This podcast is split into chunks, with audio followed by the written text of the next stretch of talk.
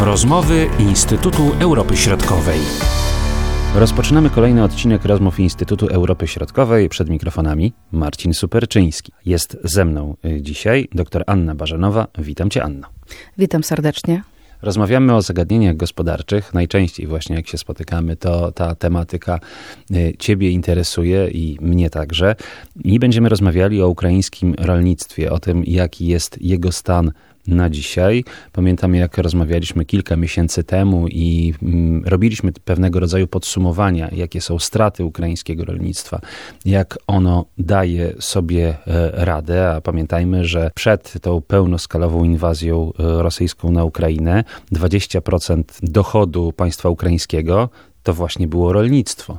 Jak to wygląda dzisiaj? Rzeczywiście straty ukraińskiego rolnictwa są bardzo, bardzo, bardzo istotne i zwykle ich dzielą na straty pośrednie i bezpośrednie. Ogólna liczba tych strat wynosi już ponad 40 e, miliardów e, dolarów. E, do tych bezpośrednich strat można zaliczyć zniszczenie magazynów zbożowych, bezpośrednie niszczenie, niszczenie produkcji albo kradzież tej produkcji, również niszczenie maszyn rolniczych, Jeżeli mówimy o e, o pośrednich stratach, to przede wszystkim to są szkody naniesione przez niesprzedanie jakiegoś towaru, tych zbóż e, czy innej produkcji, poprzez zakłócenia logistyczne, poprzez zaminowanie terenów i poprzez nie, nie, zebranie, nie zebranie tych plonów, które, e, które mogli, mogły być zebrane. Może tak przejdziemy również do kwestii zmiany struktury tych zasiewów, ponieważ jeżeli w poprzednim roku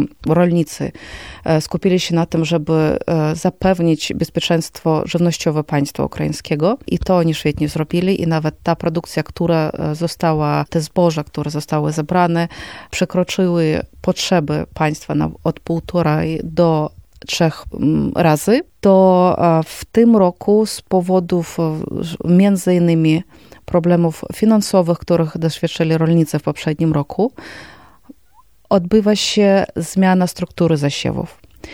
I ta zmiana była zasygnalizowana już w poprzednim roku, a mianowicie jesienią, e, kiedy e, przechodziła kampania siewna e, zbóż ozimych, ozimy pszenicy, jęczmienia i tak dalej. I to już wtedy nastąpił tak drastyczny spadek ilości gruntów, które zostały zasiane. No a w tym roku już dostrzegamy i to wcześniej już e, analitycy, eksperci sygnalizowały o tym, że odbędzie się zmiana struktury zasiewów, zmniejszy się, e, zmniejszą się zasiewy zbóż, czyli pszenicy, jęczmienia, kukurydzy, a to, mam podkreślić, są główne produkty, które Ukraina eksportowała przed wojną. Natomiast zwiększy się powierzchnia zasiewów kult, upraw oleistych, a mianowicie słonecznika, soi i rzepaku. Sprzedaż e, tych upraw jest o wiele bardziej korzystniejsza z, ze względów finansowych. I faktycznie przez ta, tą zmianę rolnicy chcą nadrobić to, czego oni nie, potrafi, oni nie potrafili zrobić w poprzednim roku. Krótko mówiąc, żeby przeżyć. Jeśli chodzi o kwestie eksportowe, bo tutaj te kanały morskie zostały w pewnym momencie zamknięte, Teraz transport też odbywa się drogą morską, ale oczywiście jest poważnie ograniczony. No i innymi drogami ten eksport y, się y, odbywa, między innymi do państw Unii Europejskiej. No i tutaj mamy pewne ograniczenia oczywiście, o których głośno w ostatnich tygodniach, które mają potrwać co najmniej do czerwca, prawda? I y, mają dotyczyć takich państw jak Polska, Bułgaria, Węgry, Słowacja i Rumunia. Od razu po rozpoczęciu działań wojennych porty ukraińskie czarnomorskie przede wszystkim zostały zablokowane. I tutaj warto, warto podkreślić, że przed, przed inwazją rosyjską, przed lutym poprzedniego roku, większość eksportu ukraińskiego szła przez porty morskie od 90 do 95%.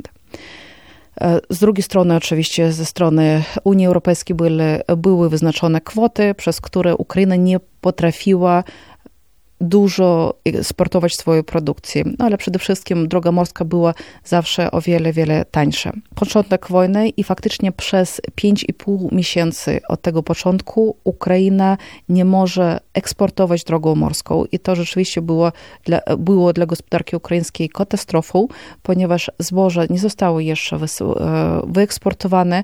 E, w magazynach przechowywało się jeszcze w okolicach 20 e, milionów ton zbóż, a magazyny były już potrzebne do kolejnej kampanii zbierania plonów. I wreszcie w lipcu poprzedniego roku udało się podpisać porozumienie e, pomiędzy Ukrainą, Turcją a ONZ a z drugiej strony takie podobne porozumienie było podpisane z Rosją, e, na podstawie którego droga morska została odblokowana. Nie, nie, nie wszystkie porty zostały odblokowane, a tylko trzy, e, trzy porty Wielkiej Odessy. E, porty Czarnomorsk Piwdenny i Odessa i od 1 sierpnia 2022 roku ten eksport w końcu ruszył. W początkach były to nieliczne kwoty towarów, które były wysłane. Towarów mówię, to chodzi tylko i wyłącznie prawie o, o zboże i zboże i uprawy oleiste. Według informacji statystycznych na początek maja tego roku, 2023 roku, e, było wyeksportowane ponad 28 milionów ton produkcji rolnej e, dzięki, od, e, dzięki temu korytarzu zbożowego, korytarzu zbożowemu. Jednak tutaj mam podkreślić, że liczba jest rzeczywiście duża, 27, 28 milionów, jednak tylko w tym roku, czyli w ciągu tych czterech um, miesięcy z kawałkiem, zostało wyeksportowano tylko ponad 3 miliony ton, czyli bardzo mało, a, to, a, a to świadczy o tym, że Rosja bardzo mocno teraz utrudnia, utrudnia korzystanie z tej drogi morskiej. Przede wszystkim istnieje ciągłe zagrożenie, prawda? No i tutaj stąd te utrudnienia. Natomiast y, właśnie, jeśli chodzi o transport drogą lądową i te ograniczenia, o których mówiłem. Mhm. E, właśnie i przez to, że ten transport drogą morską jest e, czasami blokowany, utrudniany, transport drogą lądową jest dla Ukrainy bardzo, bardzo istotne, nawet po otworzeniu tego korytarzu, tego korytarza zbożowego. 2 maja Komisja Europejska opublikowała decyzję e, na czas, e, która będzie działała e, przez miesiąc i parę dni do 5 czerwca. Na mocy tej decyzji towary ukraińskie nie mogą przychodzić na rynki tych pięciu państw Polski, Rumunii, Bułgarii, Słowacji i, i Węgier. Jednak tranzyt tranzyt produkcji rolnej może, może dalej się odbywać. Jednak jeżeli chodzi o niemożliwość wysłania produkcji, to chodzi tylko i wyłącznie o czterech, o cztery główne uprawy. To są uprawy, dwie uprawy oleiste i dwie uprawy zbożowe. To są pszenica, kukurydza, rzepak i słonecznik. I oczywiście nie sposób nie powiedzieć, że ten eksport produkcji rolnej do Polski skutkował dużą ilością problemów dla rolników polskich. Przede wszystkim to oni nie potrafili sprzedać, sprzedać swojej produkcji rolnej i ta produkcja była brana po prostu, tańsza produkcja była brana z rynku ukraińskiego. Tutaj no nie będę już mówić o nieuczciwości jednej i drugiej strony, żeby nie, nie wchodzić w jakieś takie szczegóły. Jednak myślę, że ta decyzja na pewien czas uspokoi, uspokoi i rolników polskich, a ze strony ukraińskiej myślę, myślę, że Ukraina nie doświadczy takich dużych strat, ponieważ Ukrainie chodzi przede wszystkim o sprzedanie swojej produkcji.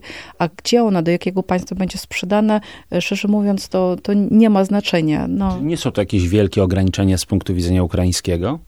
E, myślę, że z punktu widzenia ukraińskiego nie, ponieważ jeżeli produkcja i tak trafia do Europy, do państw europejskich, z których ona może iść tam świetnie dalej, e, to dla, na Ukraina, Ukraina na tym dużo nie straci. Wiadomo, że niektórzy niektórzy rolnicy na to mogą stracić, ale to nie będą takie duże kwoty. No i myślę, że tutaj również nie sposób nie wspomnieć o tym, że nie trzeba ten rynek, gospodarkę ukraińską, rolnictwo ukraińskie postrzegać tylko w kategoriach konkurencji, ponieważ tak, w niektórych produktach jest też e, Ukraina e, z Polską e, są konkurentami. Akurat przykładowo w, w, produkcji drobiu, tak? To jest kwestia również bardzo mocno nagłośniana obecnie, obecnie w mediach. Przykładowo pszenica, drób, mrożonki, słodycze, czekolada. To są te produkty, o największej, mm, największej konkurencyjności, e, jeżeli mówić o, dwa, o, dwie, o dwie gospodarki. Jednak są produkty, w których Ukraina i Polska nie konkuruje i Ukraina spokojnie ich może e, transportować e, i sprzedawać jak na rynek polski, tak i na rynki inne, przykładowo europejskie. Są to przede wszystkim ryby i mrożone, i, i świeże, i wieprzowina, i cukier, i ryż, również również e, alkohol etylowy, e, pomidory. Także podkreślę jeszcze raz, że Ukraina to nie zawsze konkurencja, a czasami taka dopełnianie oferty. Jeśli chodzi o perspektywy dla ukraińskiego rolnictwa na ten rok? Przede wszystkim e, to zmiana struktury zasiewów, jak już wspomniałam. Ciągle zmieniają się planowane, przewidziane zbiory. Ostatnio widać, że analitycy zwiększają liczbę tych zbiorów, które może być zebrane w tym roku. Nawet Ministerstwo Rolnictwa mówi, że e, te zbiory mogą być prawie takie same jak e, w poprzednim roku, 2022. E, przypomnę, że te zbiory wyniosły 72 milionów ton zbóż i upraw oleistych. Zobaczymy. Myślę, że na pewno zbiory z, roku 2023 nie będą większe niż z poprzedniego. Przede wszystkim z powodu tego, że teren, który będzie zasiany, będzie mniejszy niż w poprzednim roku. Ogólnie Ukraina może zasieć tylko 30% e, swoich gruntów, e, no i nie sposób nie wspomnieć, że te, te terytoria, które są okupowane, to są na, najbardziej takie wydajne, e, te, jedne z najbardziej wydajnych terytoriów z tymi czarnozymami, e, z dużą ilością dni słonecznych e, i tak dalej. No i ukraińska gospodarka będzie próbowała dalej przeżyć i tutaj warto wspomnieć, że w odróżnieniu od gospodarki Unii Europejskiej, od poszczególnych państw, ukraińscy rolnicy nie otrzymują dużego wsparcia od państwa ukraińskiego.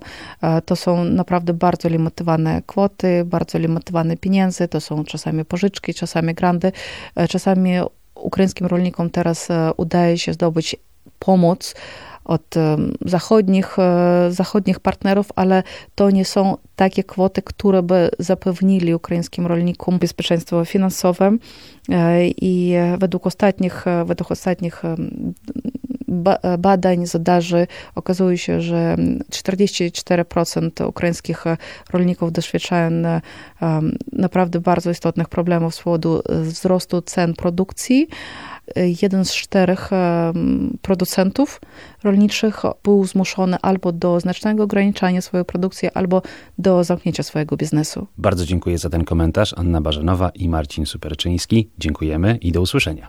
Dziękuję bardzo.